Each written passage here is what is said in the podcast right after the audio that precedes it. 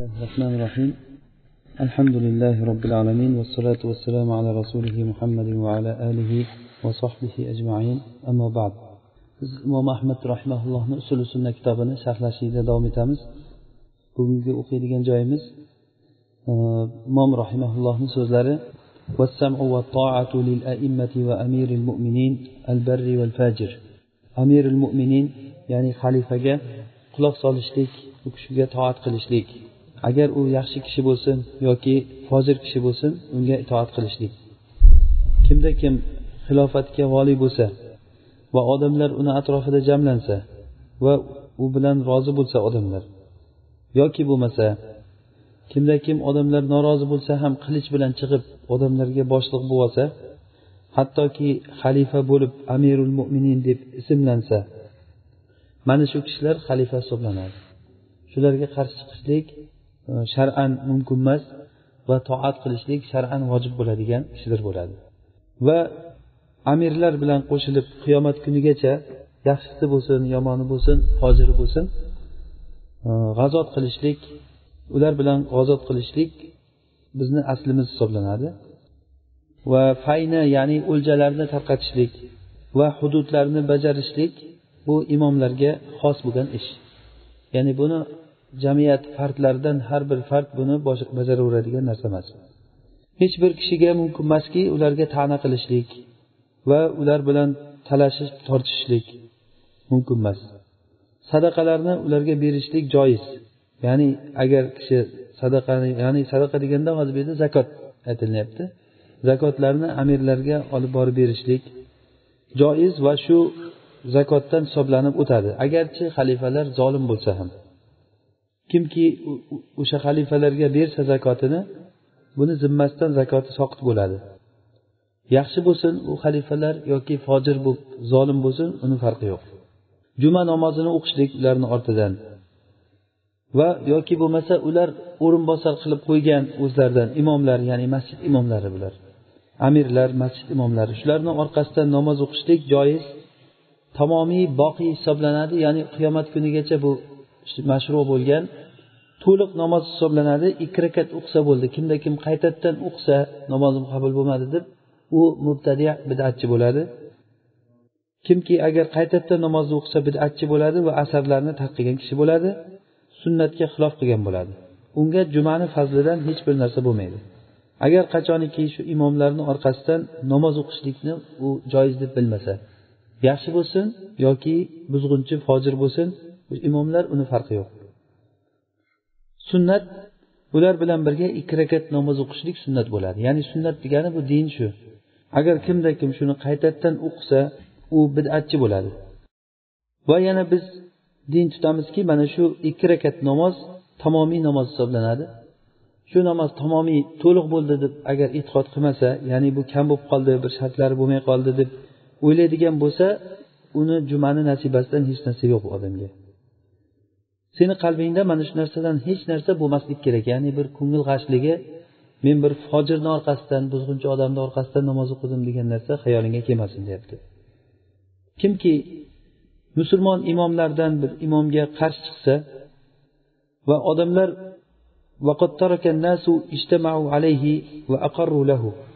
ya'ni kimki odamlar agar unga jamlangan xalifa deb saylagan odamiga bu odam qarshi chiqsa qilich ko'tarib chiqsa qanaqangi vajh bilan bo'lsa ham odamlar rozi bo'lgan bo'lsa ya'ni rozi bo'lib o'zlari qo'yganmi yoki qilich bilan g'olib bo'lib chiqqanmi bu xalifa? Uni farqi yo'q agar o'shanday bo'ladigan bo'lsa bu odam bu musulmonlar kaltagini ya'ni jamoatni sindirgan bo'ladi.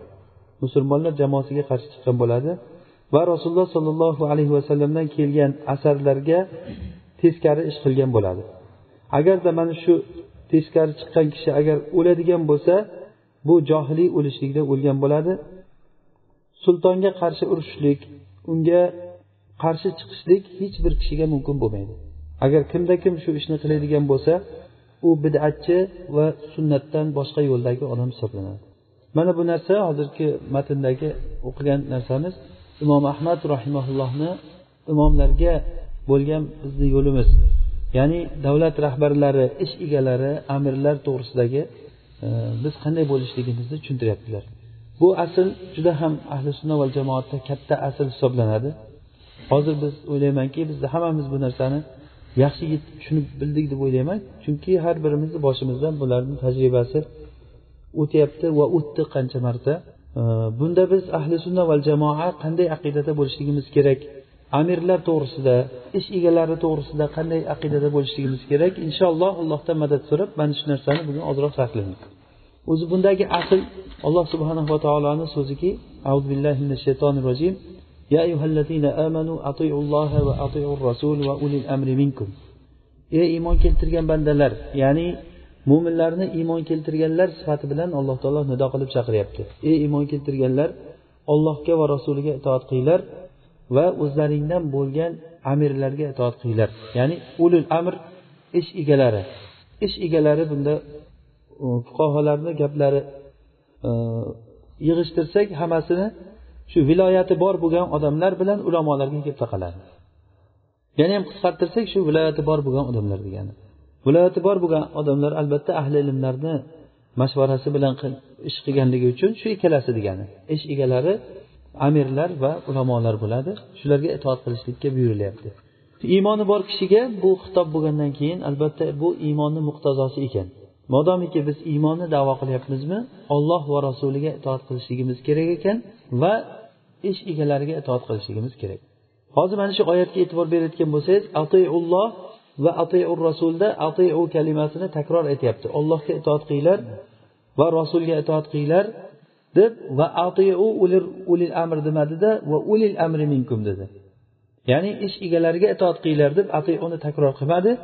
Bu allohu alam ishoraki olloh va rasulini toati mutlaq ya'ni unga o'ylab ko'rib itoat qilinmaydi o'ylamasdan shunday ergashilinadi.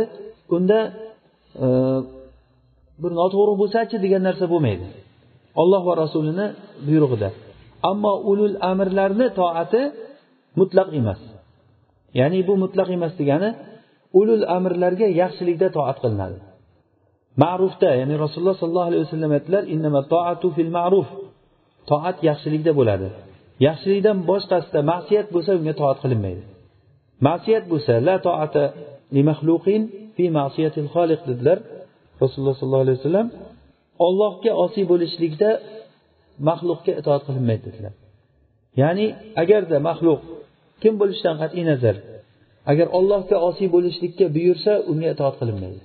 Biz o'zi ulul amirlarga ya'ni ish egalari bo'lgan voliylarga ular davlat rahbarlari xalifalar va xalifadan keyingi ular tayinlagan umarolar qozilar masjid imomlarigacha mana shularni hammasiga itoat qilamiz. Nima uchun? Olloh va rasuli aytganligi uchun. Endi ular agar olloh va rasulini aytganini qilmasdan boshqa narsaga buyursa demak o'z o'zidan ularni toqati toati soqit bo'ladi. Abdulloh ibn huzafati sahmiy roziyallohu anhu boshchiligida rasululloh sollallohu alayhi vasallam bir askar jo'natdilar bir yerga. Buni ismi siyar kitoblarida sariya deb ataladi. Ya'ni rasululloh bir joyga bir qo'shin jo'natdilar. Ularga amir qilib abdulloh ibn huzafat sahmiyni amir qildilar. Bular yo'lga ketish paytida keyin bir joyda dam olib turgan paytda olov yoqdilar. Olov yoqqanda abdulloh aytdiki rasululloh meni sizlarga amr qildimi? dedi. Ha dedi. Sizlar menga toat qilishliklaring vojibmi? deganda ular ha deyishdi. Bo'lmasa men buyuramanki hammalaring o'zlaring mana shu olovga tashlanglar keyin sahobalar bir biriga qarab hayratlanib o'zi biz olovdan qochib iymon keltiruvdikku deyishdi. Hatto ba'zilari tashlamoqchi ham bo'ldi olovga. Keyin o'zini amir buyuryapti deb olovga sakramoqchi bo'lgan shunda ular aytishdiki o'zi biz olovga kuymaylik deb iymon keltiruvdik o'zi. Bu nima degani bu kuyadigan bo'lsak? Degandan keyin keyin hazillashdim degan bu kishi. Buni sizlarni toatlaringni bir sinab ko'rmoqchi edim menga. Keyin rasulullohni oldiga qaytib kelganlarida ular rasulullohga shikoyat qilishdi. Bizga bu amirimiz shunday qildi. Hatto ba'zilarimiz sakramoqchi ham bo'ldi olovga. Deganda rasululloh aytdilarki agarda ular olovga sakraganda edi umuman olovdan chiqmasdi degan ya'ni o'zini o'zi o'ldirgan bo'ladi ular. La toata li fi ma'siyatil xoliq deb shunday aytdilar. Ya'ni xoliqga osiy bo'lishlikda maxluqga itoat qilishlik yo'q. Ya'ni agarda amir aytsaki o'zingni o'zing o'ldir desa bu o'zini o'zi o'ldirishlik ollohga osiy bo'lishlikmi? Itoat qilinmaydi. Agar aytsaki namoz o'qimagin desa namoz o'qimaslik ollohga masiyatmi? Itoat qilinmaydi bu. Demak amirlarga itoat qilishlik mutlaq emas ekan.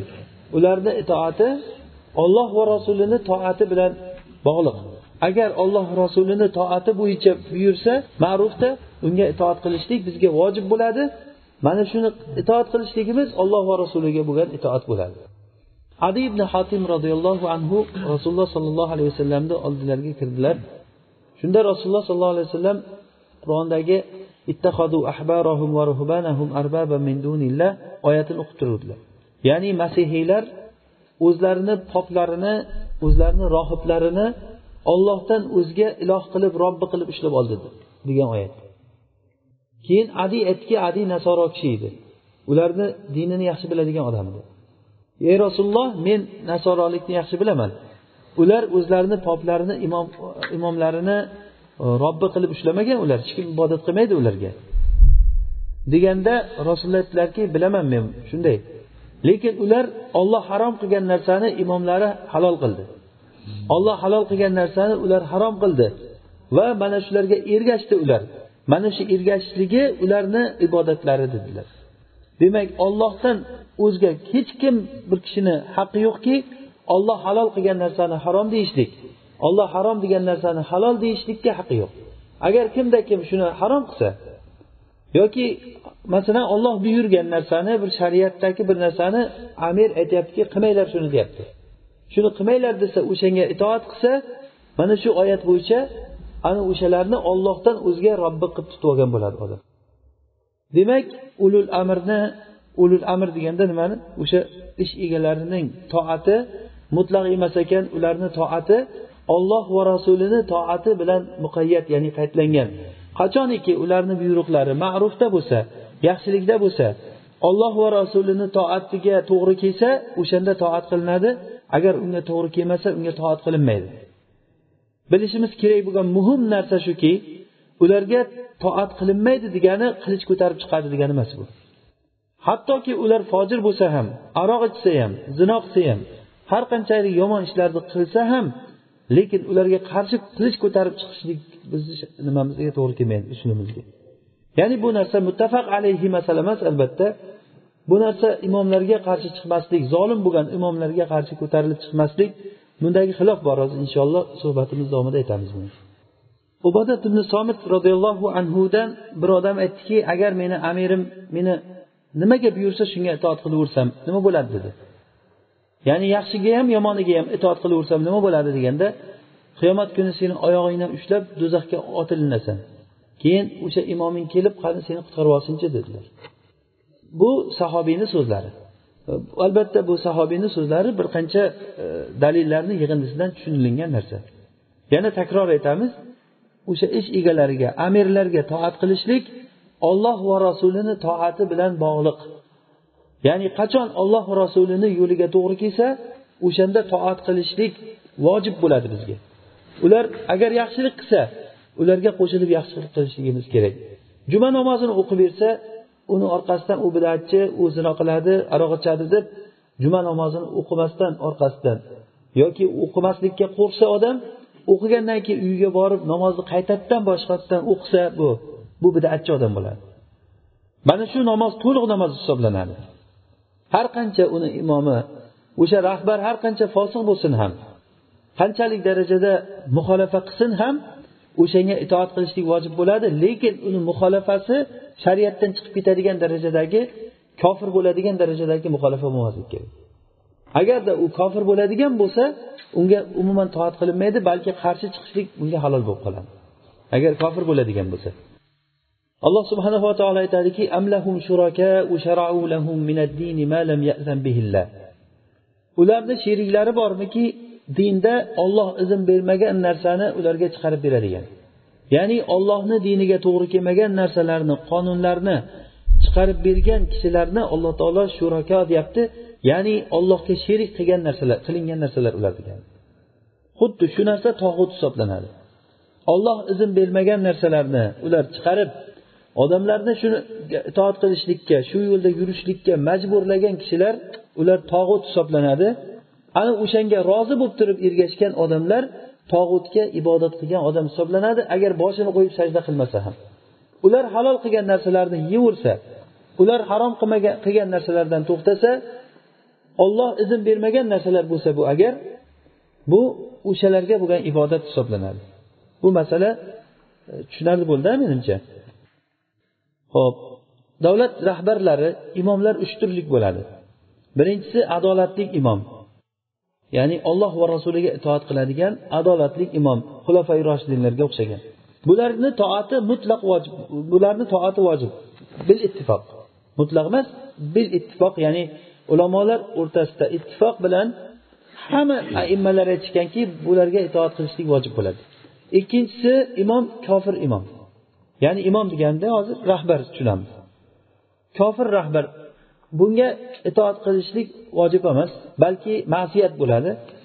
Unga qarshi chiqishlik joiz balki vojib ham bo'ladi joyi kelib qolsa. Bu narsa bu maslahat va mafsadatga bog'langan bo'ladi. Qachoniki agar unga qarshi chiqishlikda qarshi chiqmay o'tirgandan ko'ra kattaroq ziyon bo'lsa qarshi chiqilmaydi. Bu shar'iy man qilinmagan unga qarshi chiqishlik chiqmaslik. Balki shar'iy vojibki unga qarshi chiqishlik lekin sizni o'zizga katta bir zarar tegayotgan bo'lsa o'shanda qarshi chiqmaysiz. Bu kattaroq zararni oldini olishlik uchun kichikroq zararga chidab turishlik deyiladi. Bizni shariatimizda mana shu qoida bor. Inshaalloh hozir bu qoidani aytamiz. Demak imomlar uch turli bo'lar ekan. Birinchisi adolatli solih imom. Boshliq ya'ni davlat rahbari bunga toat qilishlik buni buyruqlariga bo'ysunishlik. Albatta bu ma'rufda. Vojib bo'ladi. Ikkinchisi kofir bunda buni buyrug'iga itoat qilinmaydi. Uchinchisi o'ziga o'zi zulm qilgan zulm qiluvchi mo'min boshliq. Ya'ni u amir u amir davlat rahbari lekin zolim. Mo'minlarni haqini bermaydi zulm qiladi o'zi hujur ishlarni qiladi va boshqalarga zulm qiladi. Mana shu odam ishtihod o'rni. Ana shunga itoat qilish kerakmi yo itoat qilish kerak emasmi? Shu ishtihod o'rni. Bizda ko'pchiligimizni ixtilofga tushirgan mo'minlar o'rtasidagi ancha ixtilofiy masala bo'lgan narsa shu yerda. Bunda o'sha zolim podshohlarga qarshi chiqsa bo'ladimi bo'lmaydimi degan masalada jumhur aimmalar qarshi chiqsa bo'lmaydi degan. Ularga toat qilishlik vojib bo'ladi. Kimda kim agar ularga qarshi chiqsa bu gunoh kabira qilgan bo'ladi ma'siyat qilgan bo'ladi bu deydi. Musulmonlarni kaltagini sindirgan bo'ladi deydi. Lekin bu narsa xilofiy masala. Xilofiy masala. Bu asli o'zi sahobalar nimasidan boshlab bu narsa xilof xilofiy masala bunda sahobalardan abdulloh ibn zubayr va sulaymon ibn surot roziyallohu anhu abdulloh ibn mahroma abdulloh ibn muti husayn ibn ali roziyallohu anhu beshta sahobiy. Beshalasi ham qarshi chiqsa bo'ladi zolim bo'lsa degan. Va qarshi chiqqan ham.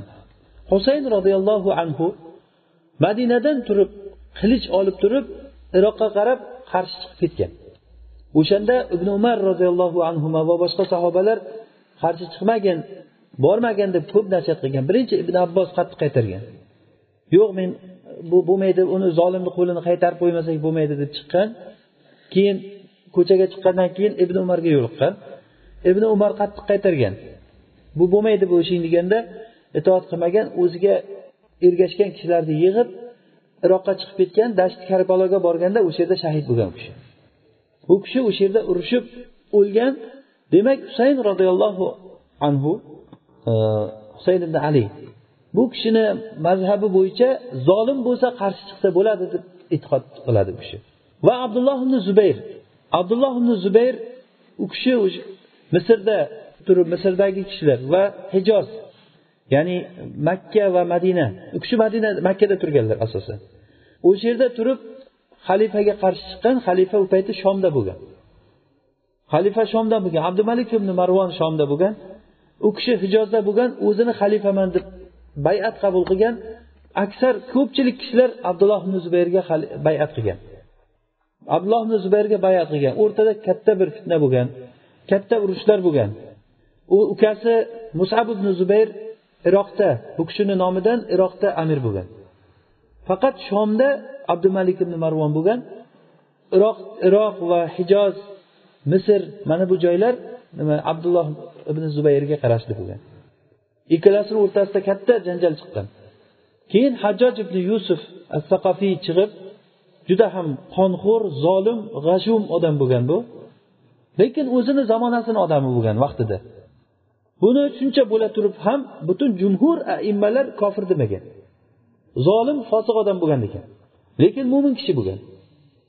O'zini zamonasini odami bo'lgan deyiladi o'sha odam chiqib turib borib musab ibn zubayrni o'ldirib xalifaga boshini olib kelib beradi. Iroqni tamoman abdumalik ibn marvonga olib bergan keyin kelib turib abdulloh ibn zubayrni hijozga kelib turib makkaga haramga kirib oladi bu kishi. Harom haramni atrofini o'rab haramni buzib tashlaydi kabani buzib tashlaydi manjaniqlar bilan urib. Manjaniq ya'ni uzoqdan tosh otadigan nimalar? Tosh otadigan bir moslamalar. To'pga o'xshagan narsa lekin tosh otadi u. O'sha bilan urib kabani buzib tashlaydi. Abdulloh ibn zubayrni o'ldirib boshini xalifaga shomga jo'natib sahobiyni o'ldirib va o'zini tanasini kabani oldiga bir oy osib qo'yadi. Odamlarga bu ibrat bo'lsin deb ya'ni bu kishilar qarshi chiqqan lekin qarshi chiqishligi juda ham katta bir ziyon bo'lgan. Va o'sha hajjojni davrida abdurahmon ibn ashas degan kishi ozarbayjon yerlariga jihod qilib ketgan u kishi amir bo'lgan askarlarni qo'mondoni bo'lgan. Shu ketishda ozarbayjon tog'larini oralaridan o'tishligida katta bir e, nimalarga duch kelgan ular pistirmalarga. Mintaqani yaxshi bilmagan tog'lardan u yoqdan bu yoqdan pistirmalar chiqib musulmonlarni qirib yuboravergan keyin bular amirga xat yozgan. U payti e, nima abdumalik ibn marvon xalifa u xalifani amiri iroqayinda kufa va basrada hajjoj bo'lgan hajjoj tarafidan jo'natilgan ular ozarbayjonga jihodga. O'shanda hajjojga xat yozadiki biz jihodni bir yilga to'xtatib turishlikni so'raymiz. Mintaqani yaxshilab o'rganishligimiz kerak bo'lyapti bekordan bekorga qirilib ketyapmiz. Yaxshilab mintaqani o'rganaylik deb xat yozsa hajjoj unga juda qattiq raddiya beradiki sen qo'rqoqsan e, hech mumkin emas bir soat ham to'xtashga ruxsat bermayman oldinga qarab yurlaring deydi. Keyin abdurahmon odamlarga xatni ko'rsatib mana men shunday qilsam shunaqa bo'lyapti deb ko'rsatib agar xohlasanglar qarshi chiqamiz deganda qarshi chiqamiz deydi. Shunday ketayotgan qo'shin orqaga qarab hajjojga qarab keladi. Hajjojga bu yoqdan shomdagi xalifaga odam jo'natadi u yordam beradi bu yoqdan. Ikkita qo'shin bir biriga yo'liqadi. Oxiri ular yengiladi abdurahmon ashasni nimasi? O'sha paytda said ibn jubayr eng katta olim kishilardan bo'lgan. Said ibn jubayr ham abdurahmonga qo'shilib qo'yadi. Odamlarni tezlab xalqni shunga hajjojga bu bunga sabab hajjojni zulmlari bo'ladi. Hajjoj juda ko'p odamlarga zulm o'tkazib yuborgan mana shu zulmi tufayli odamlar unga qarshi chiqib qo'yadi. Qarshi chiqqan odamlarni qilichdan o'tkazadi hammasini juda qattiq fitnaga uchratgan ularni hajjoj hatto said ibn jubayrni o'zi ham qochib ketadi. Borib makkaga borib oladi keyin indamaydi unga. Ancha vaqtdan keyin baribir ushlab abdulloh ibn holid qasriy uni makkaga amir bo'lganda hajjojga yaxshi ko'rinishlik uchun berib yuboradi ushlab. O'shanda olib kelganda keyin u kishini o'ldiradi. Eng oxirgi hajjojni o'ldirgan odami shu kishi bo'ladi. O'lishida duo qiladiki ey robbim meni mendan keyin hajjojga hech kimga sir o'tmasin deydi. Duolari ijobat bo'ladi. Shu hajjojni o'ldirgandan keyin e, nimani? Said ibn jubayrni hajjojni uyqusi qochadi. Tamoman o'zini yo'qotadi bu odam. Kechalari bilan men nimaga o'ldirdim shu said ibn jubayrni nimaga o'ldirdim?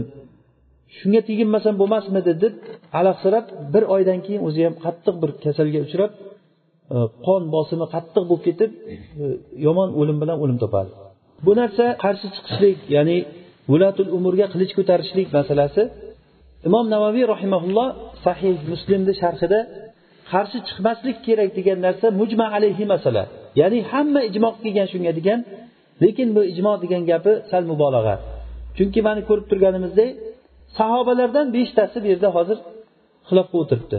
Husayn ibn ali ubaydulloh abdulloh ibn zubayr e, sulaymon ibn surat abdulloh ibn mahroma mana bular qarshi chiqsa bo'ladi degan kishilar.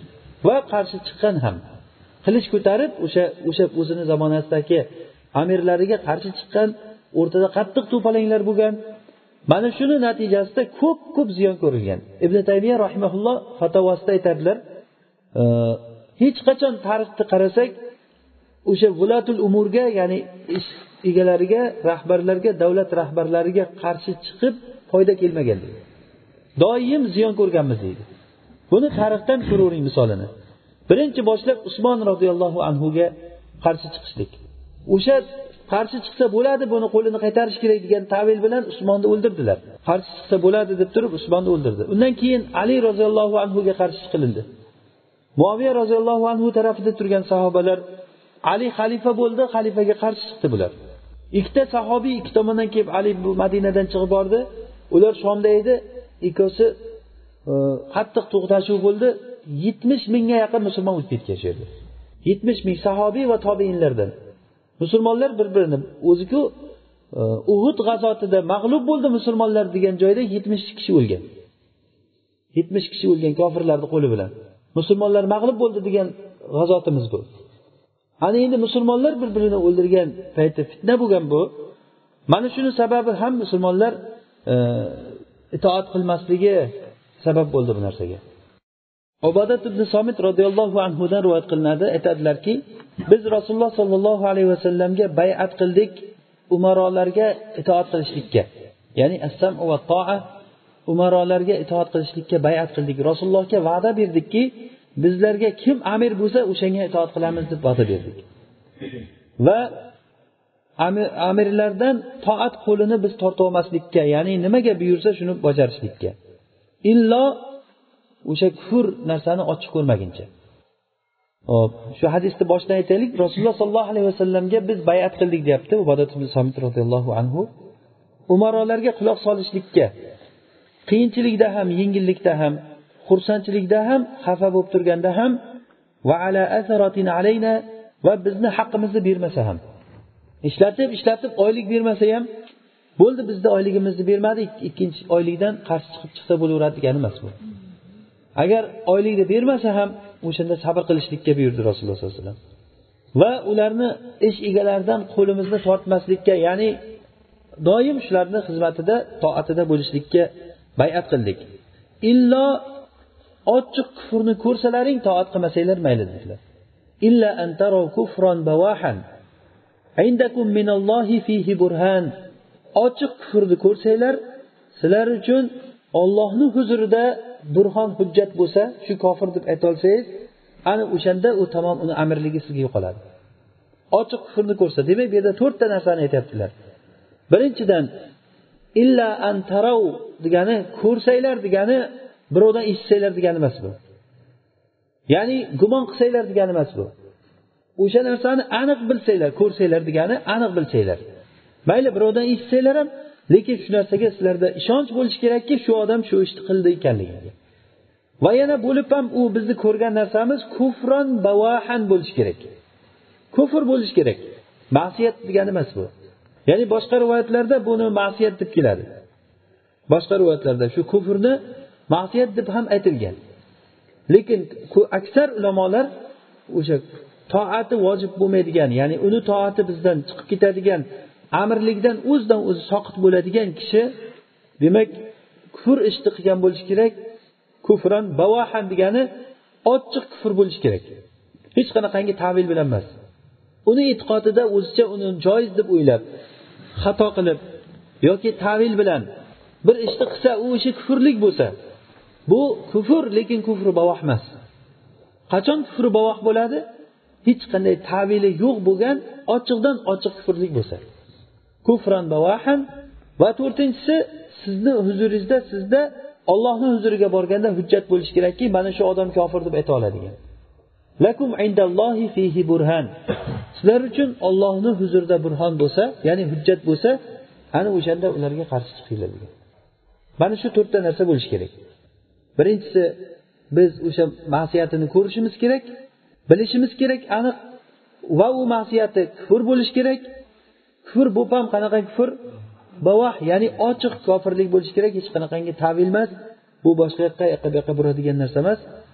Va to'rtinchisi sizlar uchun ollohni huzurida hujjat bo'lishi kerakki shu kofir deb ayta oladigan darajada.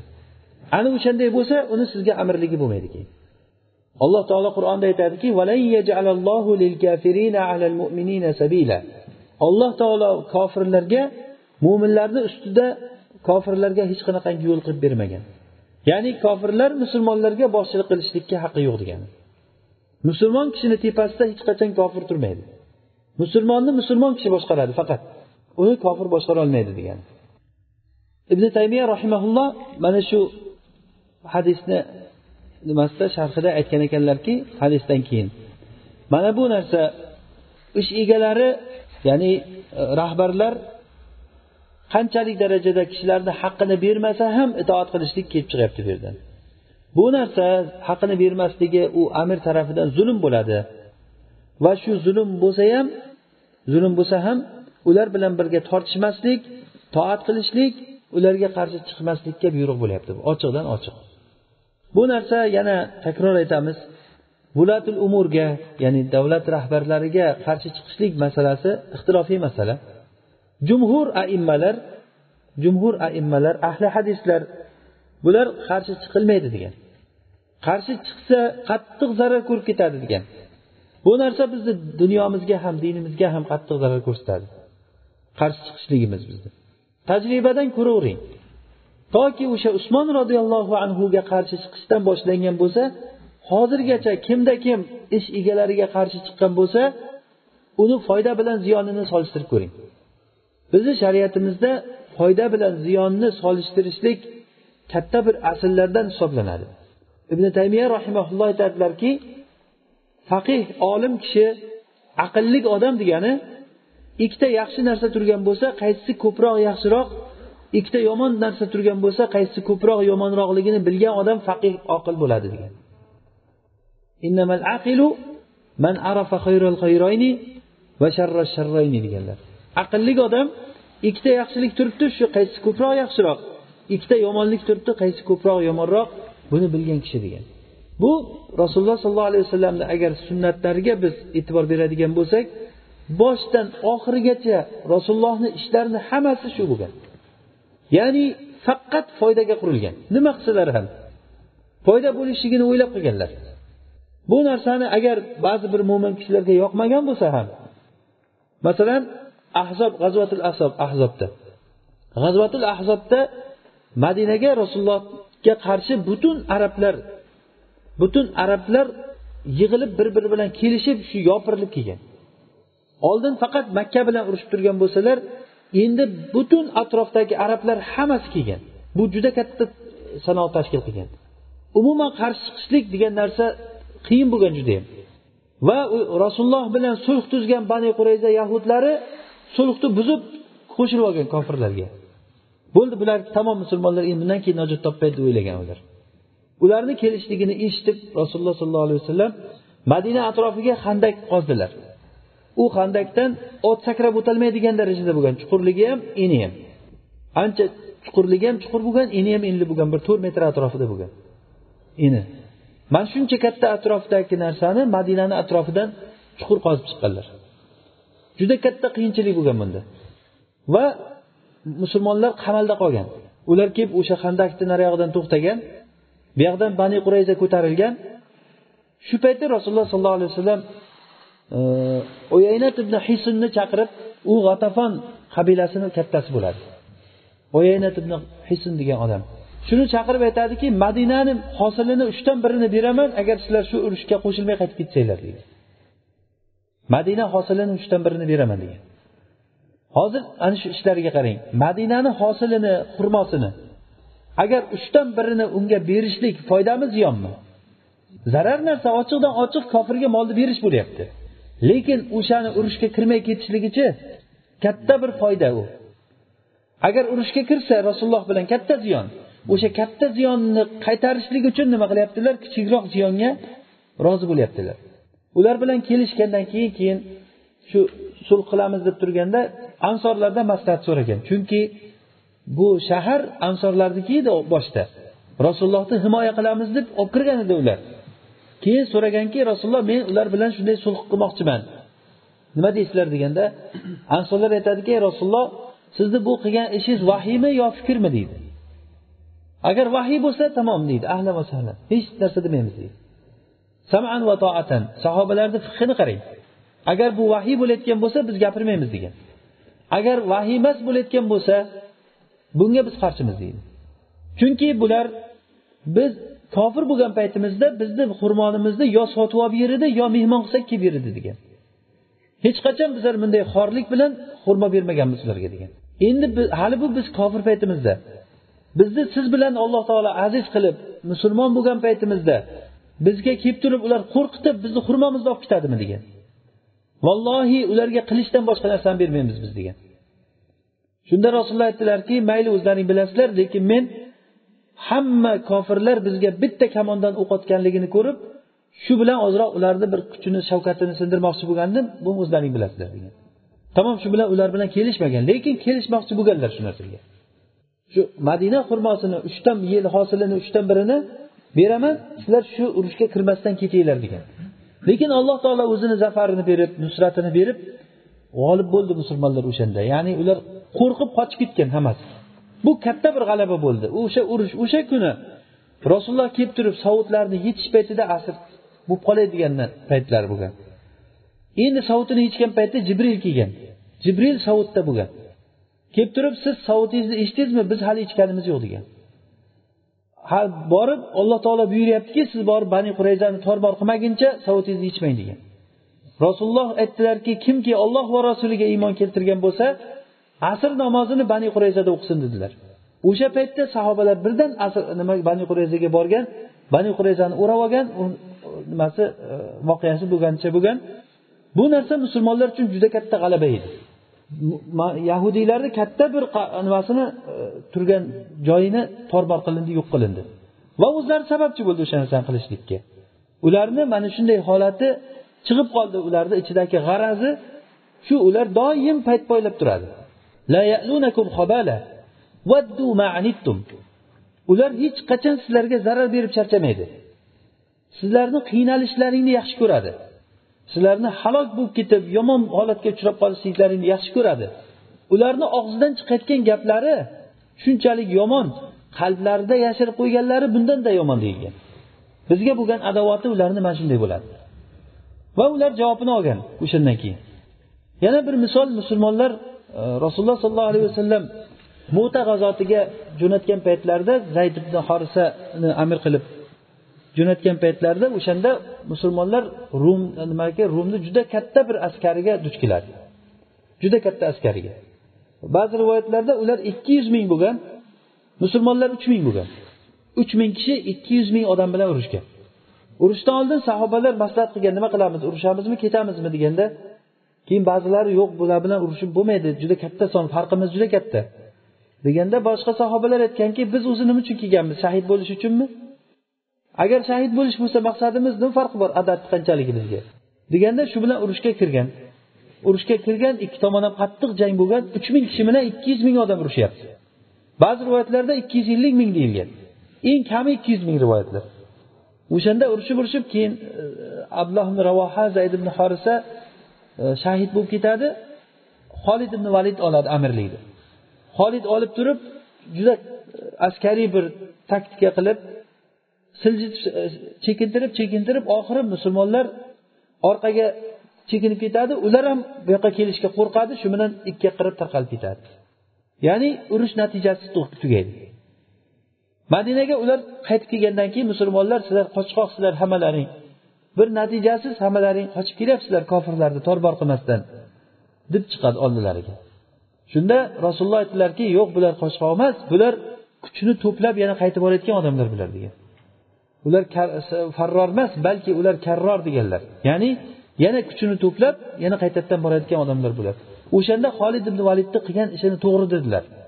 Musulmonlarni halokatga olib kirmasdan ularni shunday qutqarib chiqqan o'sha joydan bo'lmasa uch mingta sahobiy o'sha yerda halok bo'lib ketsa o'ziz bilavering islom ahliga qanchalik musibat yetishligini.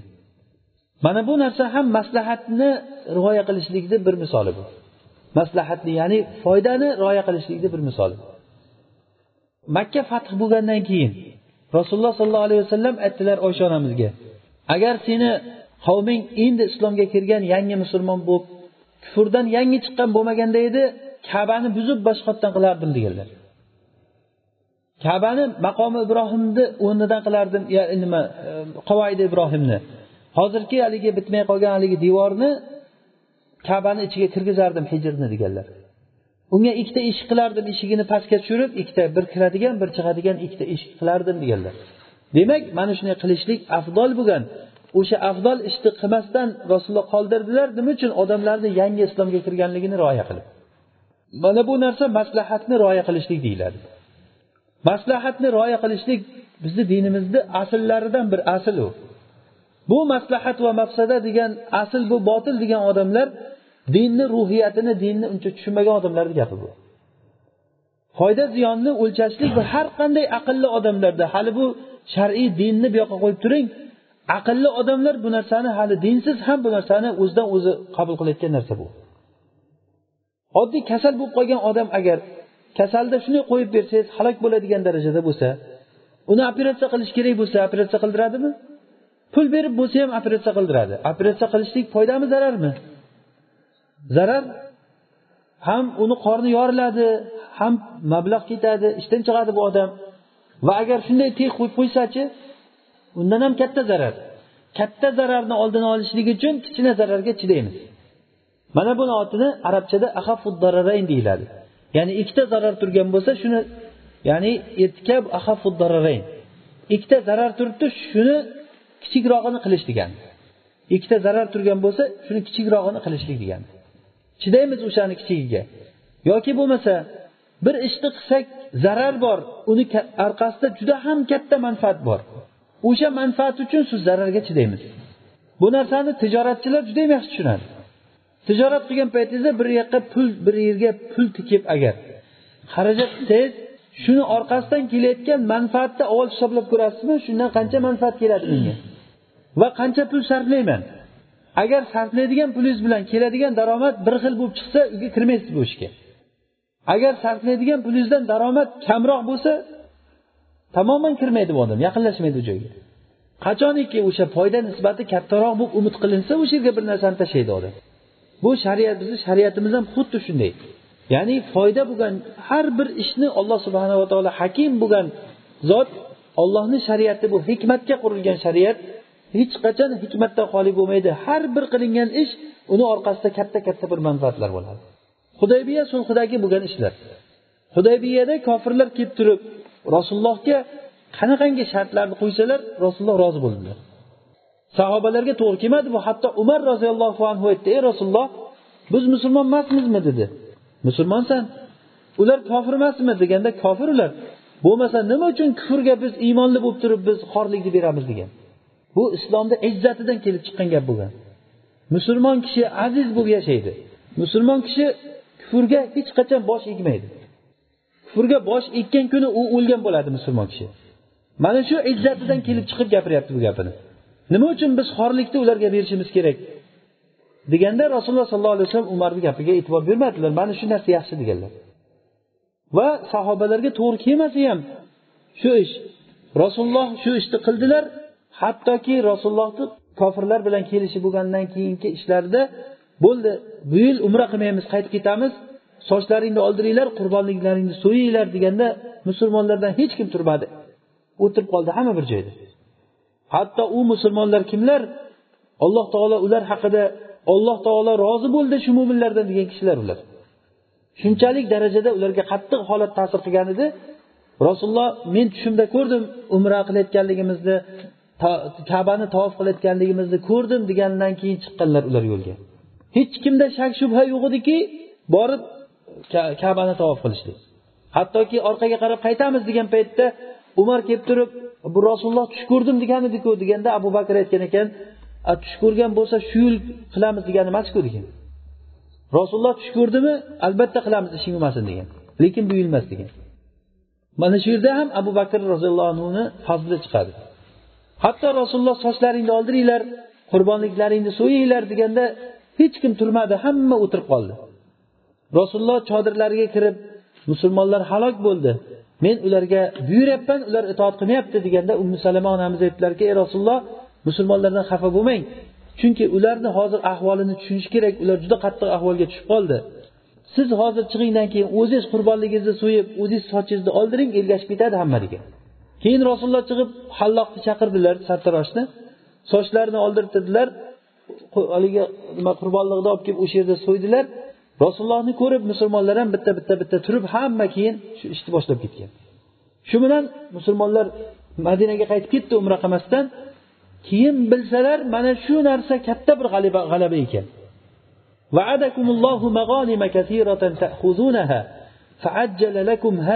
Deyapti. Mana shu narsani sizlarga oldindan berib qo'ydi alloh taolo.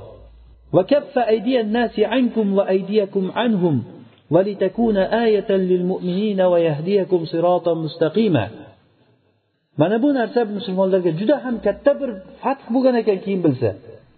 Shuning uchun biz ko'p narsalarni kalta o'ylaymiz. Bir narsa kelib qolgan paytda hatto umardagi kishilar ham nimaga ularga xorlikni beramiz nimaga biz musulmon bo'lib turib kofirlarga o'zimizni past olishligimiz kerak degan narsani odam sig'dirolmay qoladi o'ziga. Lekin biz mana shunday paytlarda hamosatga berilmasdan hamosatga berilmasdan olloh va rasuli nima degan bo'lsa shunga itoat qilsak inshaalloh o'shani oqibati biz uchun yaxshi bo'lib chiqadi. Mana shu tarixdagi narsalar hozir hudaybiyadagi narsalar biz uchun katta bir ibratli narsa. Hozir musulmonlarni holati katta bir ibratli narsa bizga.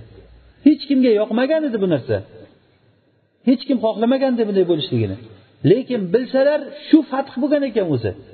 Makkada bir hech qanday urush bo'lmasdan bir aytarlik. Holid ibn valid kirgan tarafdan ozroq bir urush bo'lgan lekin to'liq g'alaba bilan makkaga kirib borgan. Mana bu agar o'sha paytda kirganda kirolmasdi unday. Lekin ozroq vaqt o'tgandan keyin mana hijratni sakkizinchi yiliga kelib to'lig'icha g'alabani qo'lga kiritildi. Shuning uchun biz shariatga ergashishligimiz kerak. Musulmon kishilar olloh va rasuliga itoat qilishlikni o'rganishlik kerak. Atiulloha va atiur rasul mana shu olloh va rasulini toati o'laroq amirlarga ish egalariga itoat qilishligimiz shu olloh va rasulini buyrug'i bilan bo'lyapti bu narsa. Bu narsani shartlari bor aytganimizdek. Bu shartlarni birinchisi bizga amir bo'lgan kishini birinchi sharti u musulmon bo'lishi kerak.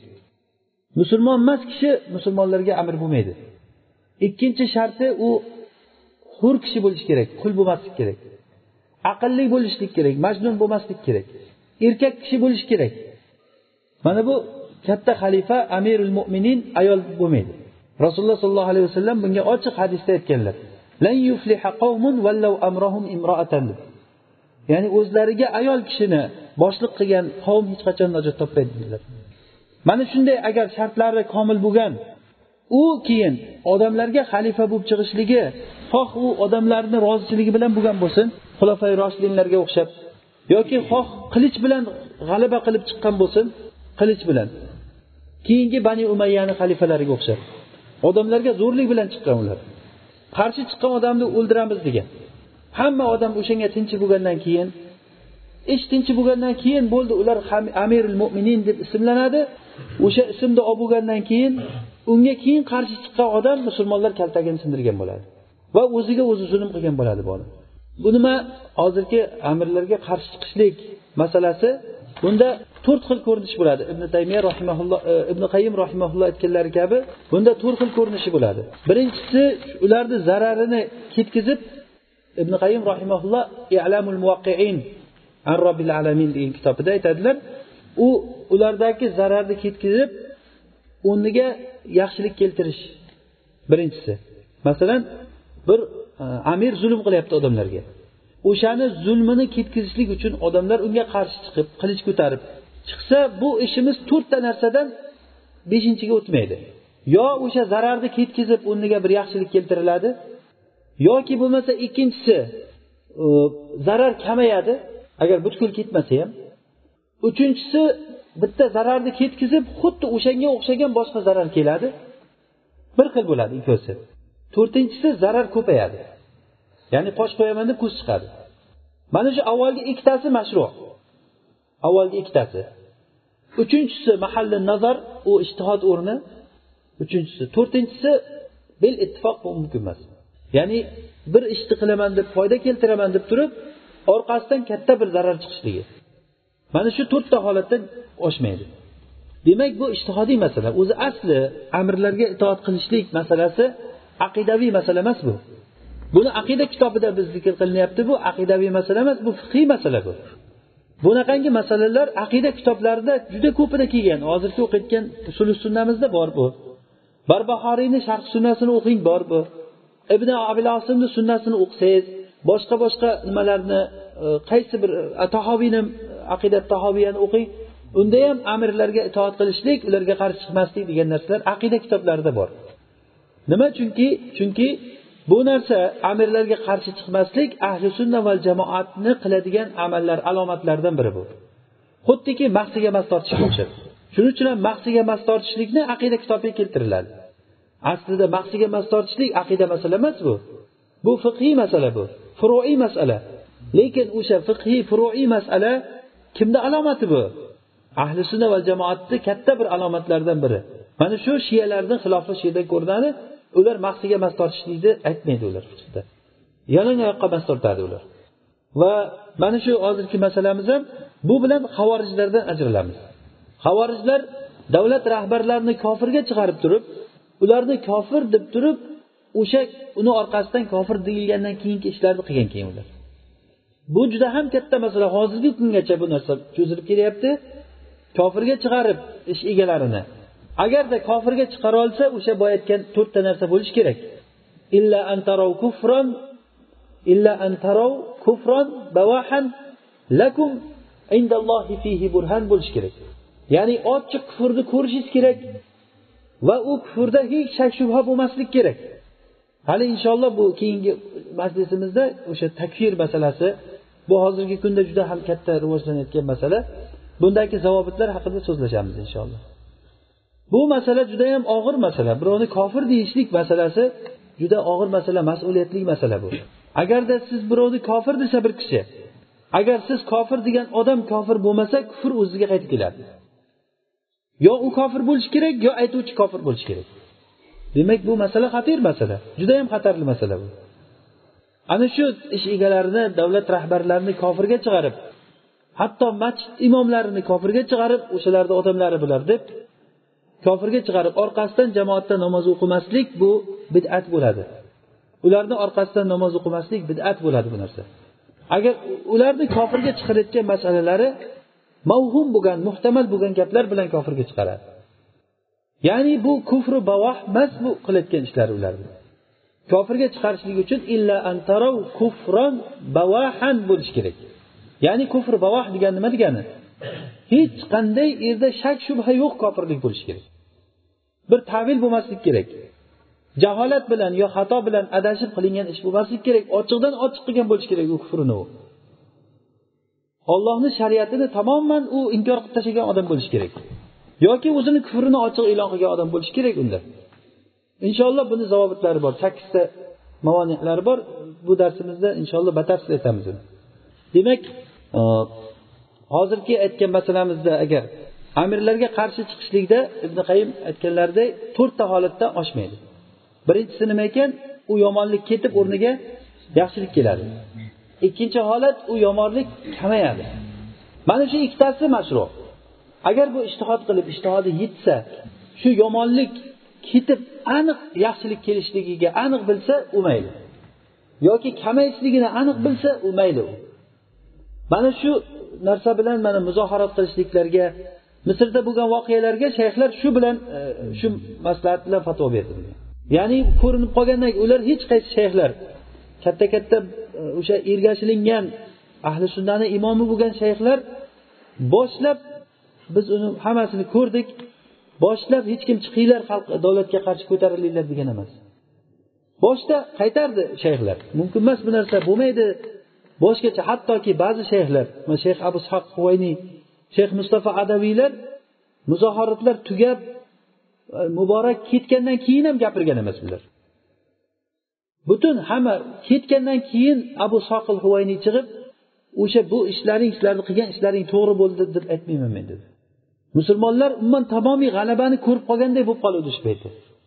Men bu ishlaringda to'g'ri bo'ldi deb aytmayman chunki bu ishni orqasida juda katta katta kuchlar yotibdi. Men dedi ana rajul strategiy dedi. Men strategik odamman deydi. Men o'sha muxobaratni kitoblaridan maktabasi bor menda dedi. Muxobaratda ishlayotgan odamlarda yo'q bo'lgan kitoblar bor menda dedi. Hammasini o'qib chiqqanman ularni deydi.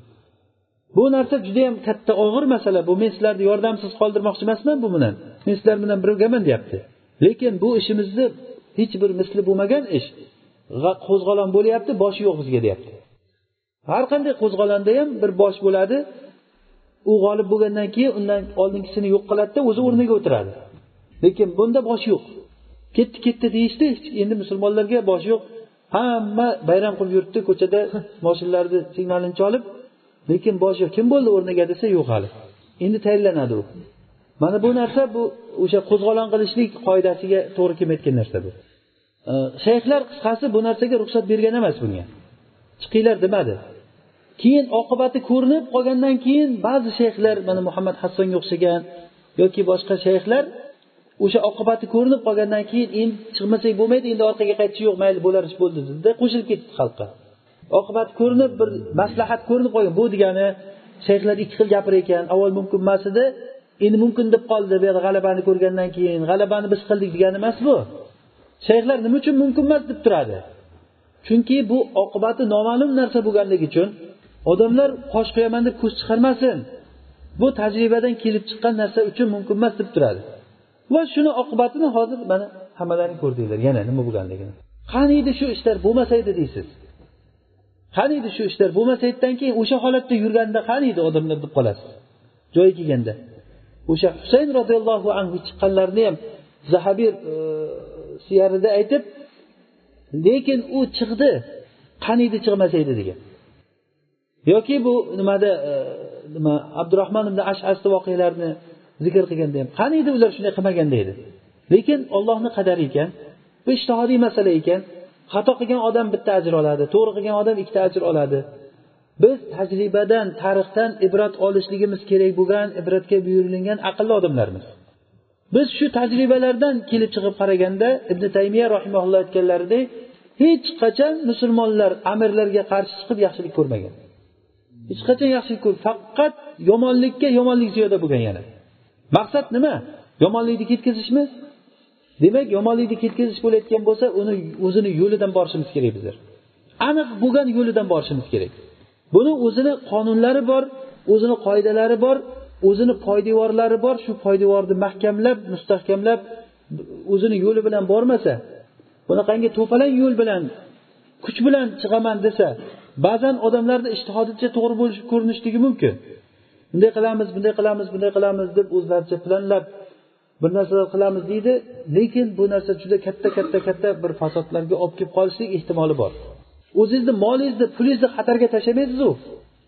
Bir xatarlik bir oldingizda jumruk turgan bo'lsa tamoshni gumon bo'lsa yerdan o'tib ketishingizdan o'tmasligingiz. Katta bir qimmatbaho pullaringizni hammasini yig'ib odamlarnikini ham o'zingizni bo'yningizga olib shu joyga o'zizni urasizmi yo to'xtaysizmi shu yerda?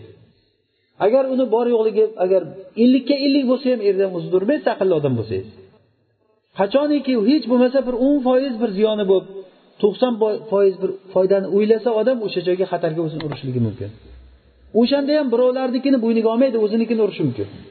Hozir bunaqangi ishni ko'tarib chiqayotgan odamlar ko'pchilikni qonini o'zini zimmasiga olib chiqayotgan bo'ladi. O'ziku jonini xatarga qo'yyapti va boshqalarnikini ham shu xatarga qo'yish bo'lib qoladi. Mana shu uchun bu narsa juda ham katta bir ishtihodiy o'rin. Men aytmayman bu ijmoiy masala demoqchi emasman. Lekin aksar sahobalar fodil sahobalar bu narsada bunaqangi ishlarga qo'shilmagan. Hattoki sahobalarni o'rtasidagi ali roziyallohu anhu bilan moviya roziyallohu anhu o'rtasidagi bo'lgan ishlarda ham qatnashmagan. O'shanday ishlarda ham bu fodil sahobalar qatnashmagan. Ubaydat ibn somit aytadilar ubodat ibn somit men uyimdan chiqdim aliga yordam berishlik uchun moviya bilan bo'lgan urushda yo'lda ketayotgandim oldimdan abu bakra chiqdi roziyallohu anhu. Abu bakra chiqib qayerga ketyapsan? deganda man aliga yordam berish uchun ketyapman. U amir u amirga yordam berishimiz kerak deganda orqangga qayt degan. Orqangga qayt rasululloh sollallohu alayhi vasallamdan eshitgan edim. Agar ikkita mo'min bir biriga qurol ko'tarib chiqsa o'ldiruvchisi ham o'luvchisi ham do'zaxiy degan. O'ldiruvchisi ham o'luvchisi ham do'zaxiy degan. Ey rasululloh o'lgan odam o'ldirgan odam mayli do'zaxiy bo'lsa o'ldirdi u. Lekin o'luvchisi nima uchun do'zaxiy bo'ladi? U o'lib ketdiyu u. Deganda aytdilarki u agar o'lmaganda edi sohibini o'ldirishlikka u haris edi. Bu o'lmasa bu o'ldirardi buni. Innahu kana harisan ala qatli sohibihi deganlar. Yoki ala qatli axihi bu ikkita musulmon agar bir biriga qurol ko'tarib chiqsa فالقاتل والمقتول في النار قالوا وهذا القاتل فما بال المقتول قال إنه كان حريصا على قتل صاحبه bu o'ldiruvchi odam mayli do'zaxi bo'lsa tushunarli lekin o'lgan odamchi desa aytdilarki bu sohibini o'ldirishlikka haris edi demak shu abu bakra ubadat ibn somit mana bular fodil sahobalar qo'shilmagan.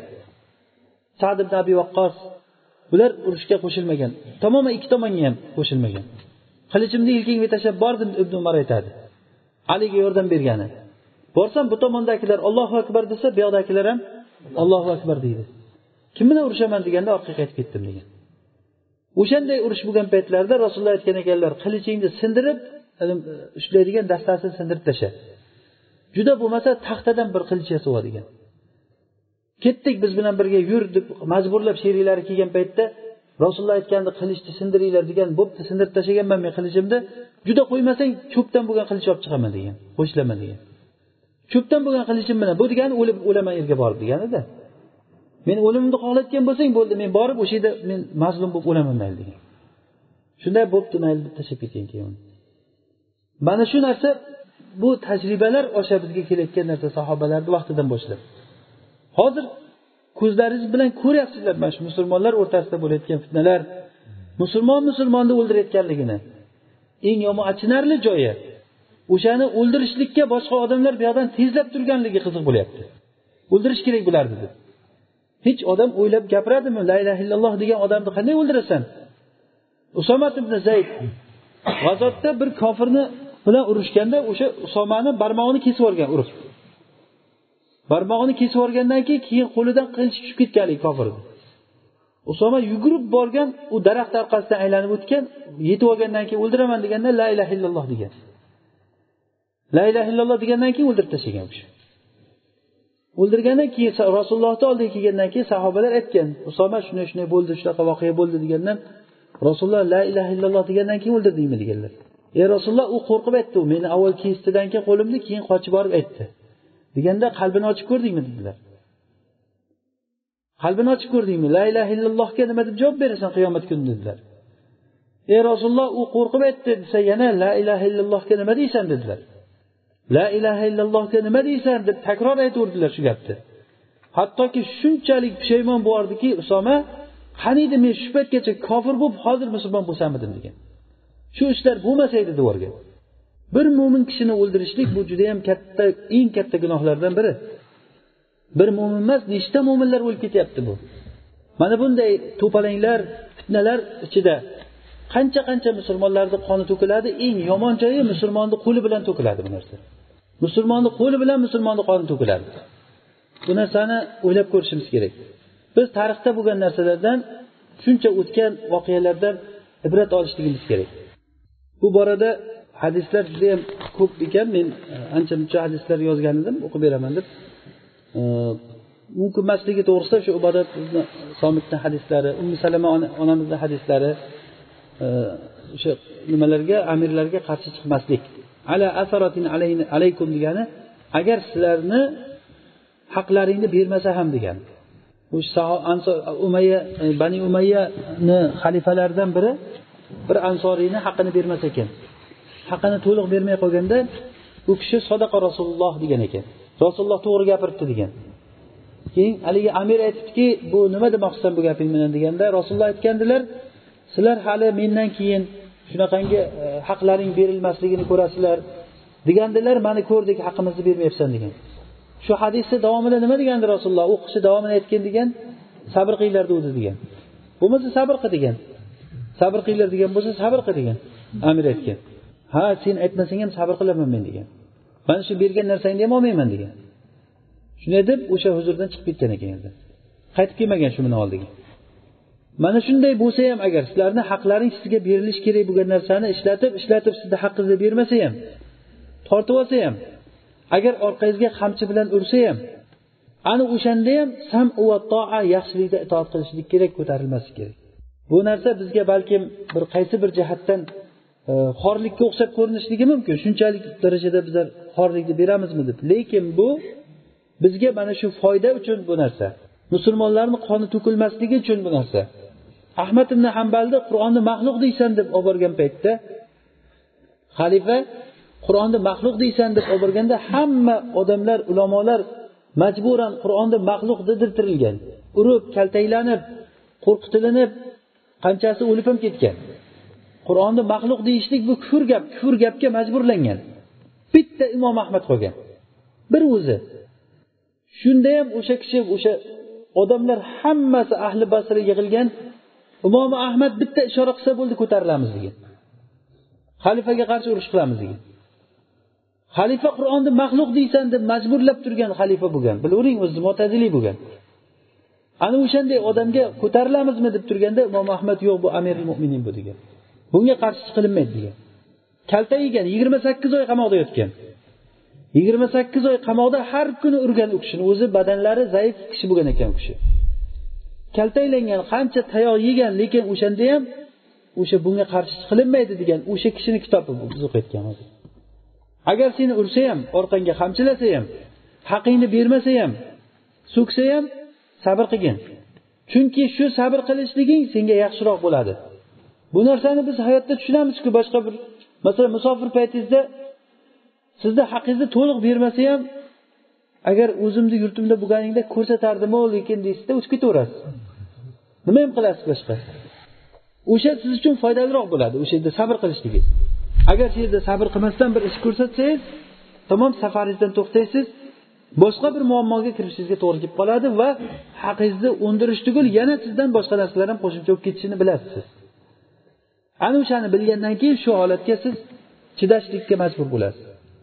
Bu degani ular yomonlik qilsa ham senga yaxshilik qilaver nima bo'lsa ham itoat qilaver odamlarni xorlab aldab ularni toatiga singdirib beringlar deb ulamolarga bo'lgan bir aldash emas bu narsa. Bu gaplarni hammasi o'zimizni foydamiz uchun aytilgan gap bu. Nima bo'lsa ham biz o'sha islomni tikka qilishlikka islom imorasini bir gavdalantirishlikka harakat qilishligimiz kerak. Qancha qancha shu nimalar qarshi chiqishliklar da'vat eshiklarini yopib qo'ydi. Buni orqasidan qancha ziyon ko'rdi islom ahli. Buni sababi shu qarshi chiqishlik qilich ko'tarib chiqishlik to'polonlar bo'ldi bu narsa. Hattoki ibn taymiya rahimaulloh nimada e, shomda tatarlar bostirib kelgan mo'g'ul tatarlar bilasizlar. O'shanda bir mayxonani oldidan o'tib ketayotgan paytda ular aroq ichib o'tirgan ekan tatarlar. Ular musulmon bo'lgan o'zlari lekin islomi yaxshi bo'lmagan. Islomi ham boya o'sha o'zlarini millatiga o'xshagan islom bo'lgan. Aroq ichib o'tirganda keyin yonidagi kishisi voy aroq harom buni ichmanglar deb ularni qaytaraman degan paytda ibn taymiya aytgan ekanki indama degan? Ular hozir aroq ichib o'zi bilan o'zi bo'lib yotibdi. Agar aroq ichmasa chiqib musulmonlarni talaydi degan. Musulmonlarni talagandan ko'ra ichib yotgani yaxshi qo'y degan. O'zi ichishligi zarar uni. Lekin uni ichmay turib qaytarsa odamlarga o'ziga kelib qolsa chiqib xalqni talar ekan ular undan ko'ra shu yoqda yotgani yaxshi bo'ladi degan mana bu narsa hammamiz uchun ma'qulmi shu gap? Mana shunga o'xshagan misollar bo'ladi bu ham xuddi shunday ishtihodiy masala bu. Ishtihodiy masala. Hozir mana hadis o'qib beryapmiz sahobalarni hayotidan keltiryapmiz. Bu aytganlarimiz hammasi maslahat foyda va ziyonni o'ylab ko'rib foydaga qarab ish qilishligimiz kerak bo'ladi va yana oxirgi gapimiz e, biz bilishimiz kerak bo'lgan narsa e, beshta toifa kishi borki ular xilofga chek qo'yayotgan odamlar bo'ladi beshta toifa odam xilofga chek qo'yadi. Ya'ni muxtalaf fihi bo'lgan masala go'yoki u muttafaq alayhidek bo'lib qoladi. Shulardan birinchisi xalifa amiril mo'minin bo'ladi. Agarda xalifa misol uchun aytaylik hanafiy mazhabdagi kishi bo'ldi. Hanafiy mazhabdagi kishi xalifa bo'ldi. Siz shofiy mazhabsiz. Xalifa sizga hanafiy mazhab bo'yicha bir ish buyursa xalifa hanafiy mazhab bo'yicha davlatlar o'rtasidagi bir narsalarni hal qilmoqchi bo'lsa masalan asirlarni nima qilish kerak yoki davlatlar bilan sulh tuzishlikdagi masalalarda xiloflar bor. Qani sulh tuzamizmi sulh tuzmaymizmi degan o'shanaqangi katta katta masalalarda agar xalifa sulh tuzmoqchi bo'lsa bu narsaga siz itoat qilishligingiz vojib bo'ladi agar sizni mazhabingizga to'g'ri kelmasa ham. Go'yoki bu yerda xilof yo'qdek bo'lib qoladi. Xalifa xilofni yo'qotadi. Ikkinchisi qozi. Qozi masalan shofiy mazhabdagi odam. Siz hanafiysiz.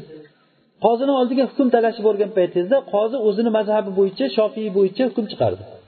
Siz aytishlikka haqqingiz yo'qki men hanafiyman bu shofiycha hukm chiqaryapti men bunga itoat qilmayman deyishga haqqingiz yo'q. Xohlaysizmi xohlamaysizmi shu qozini hukmi gapi gap sizga. Itoat qilishligingiz kerak bo'ladi. Birinchisi xalifa ikkinchisi qozi uchinchisi amirul jaysh. Ya'ni askarlarni qo'mondoni. Masalan masalan urushga ketishda jihodda yo'lda. Mana shunday holatlarda amirul jaysh o'zicha bitta narsani ishtihod qildi. Misol uchun bir kofirlar bilan bir ittifoq qilmoqchi bo'ldi bir masalada. Mana hozir rasululloh g'atafon bilan kelishmoqchi bo'ldilar u kofirku ular. Lekin kofir bo'lsa ham kelishmoqchi bo'ldi o'sha yerda. Mana shunday masalalarda bu ishtihodiy masalalar. Ishtihodiy masala. Masalan bir joyda bir e, bir amaliyot qilish kerak. O'sha amaliyotga kirishlikda bir kofirdan foydalanmoqchi bo'ldi. Kofirdan foydalanmoqchi bo'lsa bu askarlari aytyaptiki yo'q kofirdan foydalanmaysan deyapti. Askarlarni aytganini qilmasdan keyin o'zini ishtihodi bilan shu bo'ldi mana shu ishga kiramiz sizlar bilan ittifoq qildim dedi. Agarda u ochiq kufr ma'siyat bo'lmayotgan bo'lsa ishtihodiy masala bo'layotgan bo'lsa bu ittifoq bo'lib qoladiki shunga itoat qilish kerak qoladi agar sizni mazhabingizga to'g'ri kelmasa ham. Tushunarlimi? To'rtinchisi sadaqa yig'uvchi kishi. Sadaqa yig'uvchi odam bu xalifa tarafidan qo'yilgan mas'ul odam. Odamlarni chiqib odamlardan zakotlarini tuyalaru mollari qo'ylarni yig'ishtirib kelayotgan odam bo'ladi. Bunda mazhablarda xiloflar ko'p. Hanafiy mazhabda buncha berasan shofiy mazhabda buncha berasan degan xiloflar bor. U sadaqa yig'uvchi o'zini mazhabi bo'yicha sizdan bir narsa talab qilsa yo'q meni mazhabim boshqa men bunga itoat qilmayman deyishga haqqingiz yo'q. O'shani gapi gap bo'lib qoladi. Go'yoki shu masalada xilof yo'qdek bo'lib qoladi. Demak birinchisi kim bo'ldi? Xalifa. Amirul mo'minin ikkinchisi qozi uchinchisi amirul jaysh ya'ni askarlarni boshlig'i qo'mondon. To'rtinchisi sadaqa jobi sadaqot ya'ni sadaqa yig'uvchi kishi. Beshinchisi imom sola masjid imomi. Masjidni imomi hanafiy mazhabdagi kishi. Hanafiy mazhabdagi kishi namozni boshladimi siz uni orqasidan iqtido qildingizmi ollohu akbar dedingizmi bo'ldi shuni yo'li bo'lib qoladi engishsa engishasiz tursa turasiz. Agarda u namozda adashib ketib sajda sav qilsa sajda sahuni hanafiychasiga qilsa siz shofiyman men deb turib qolib ketmaysiz undan xilof qilib. Majbursizki shuni hanafiylar bo'yicha siz o'sha unga itoat qilishlikka. Go'yoki bu masalada xilof yo'qdek bo'lib qoladi. Tushunyapsizmi? Yoki vitr namozini u o'zini e, hanafiy mazhab bo'yicha o'qisa siz shofiy mazhabdagi kishisiz sizni e, mazhabingiz bo'yicha u nima to'g'ri kelmaydi u sizga siz buni bilmaysiz uni. Lekin imom hanafiy bo'lgandan keyin siz imomga iqtido qildingizmi imomni namozi sizga namoz bo'ladi. Go'yoki bu yerda xilof yo'qdek bo'ladi. Mana shu narsa o'rtada ittifoqchilikni keltirib chiqaradi. Ixtilof bor bo'lgan joydan baraka xayr ko'tariladi. Musulmonlar o'rtasida bir biriga nisbatan ko'rolmaslik yomon ko'rishlik kelib chiqadi. Bu narsani tushunmasligimizdan kimu kim biz katta zarar ko'rdik bilamiz bu narsani yaxshi. Ba'zi bir o'sha ishtihodiy masalalardagi omin aytishlik jahri aytish kerakmi jahri aytmaslik kerakmi qo'lni qayerga qo'yish kerak namozda degan masalalarda kelishmasdan musulmonlar bir birini xohlagancha haqorat qilishdi. Hattoki qo'liga qurol berib qo'ysangiz otib tashlaydigan qirib tashlaydigan darajagacha yomon ko'rib qoldi bir birini harom narsalar fitnalar chiqdi ichida. Buni hammamiz ko'rdik bu narsani. Demak bu narsalarga chek qo'yishlikni yo'li mana shu narsani biz yaxshi bilishimiz kerak. Bu narsa o'zimizni foydamiz bu. Dinimizni foydasi bo'ladi bu narsa. Bizni dinimiz katta bir uzoq bir joyga nima mustahkam bir poydevor ustiga qurilgan katta bir maydondagi din hisoblanadi. Unda bitta narsani oyoqni tagidagi narsa deb turib yoki kichikroq foydani deb turib kattaroq bir zararlarni o'zimizga keltirishligimiz bu narsa o'zimizga o'zimiz zarar qilib qo'ygan bo'lamiz. va o'zingiz orqali boshqalarga ham zulm qilgan bo'lib qolasiz sizga ergashib boshqa odamlar ham zulm ko'radi bu narsadan سبحانك اللهم وبحمدك نشهد أن لا إله إلا أنت نستغفرك ونتوب إليك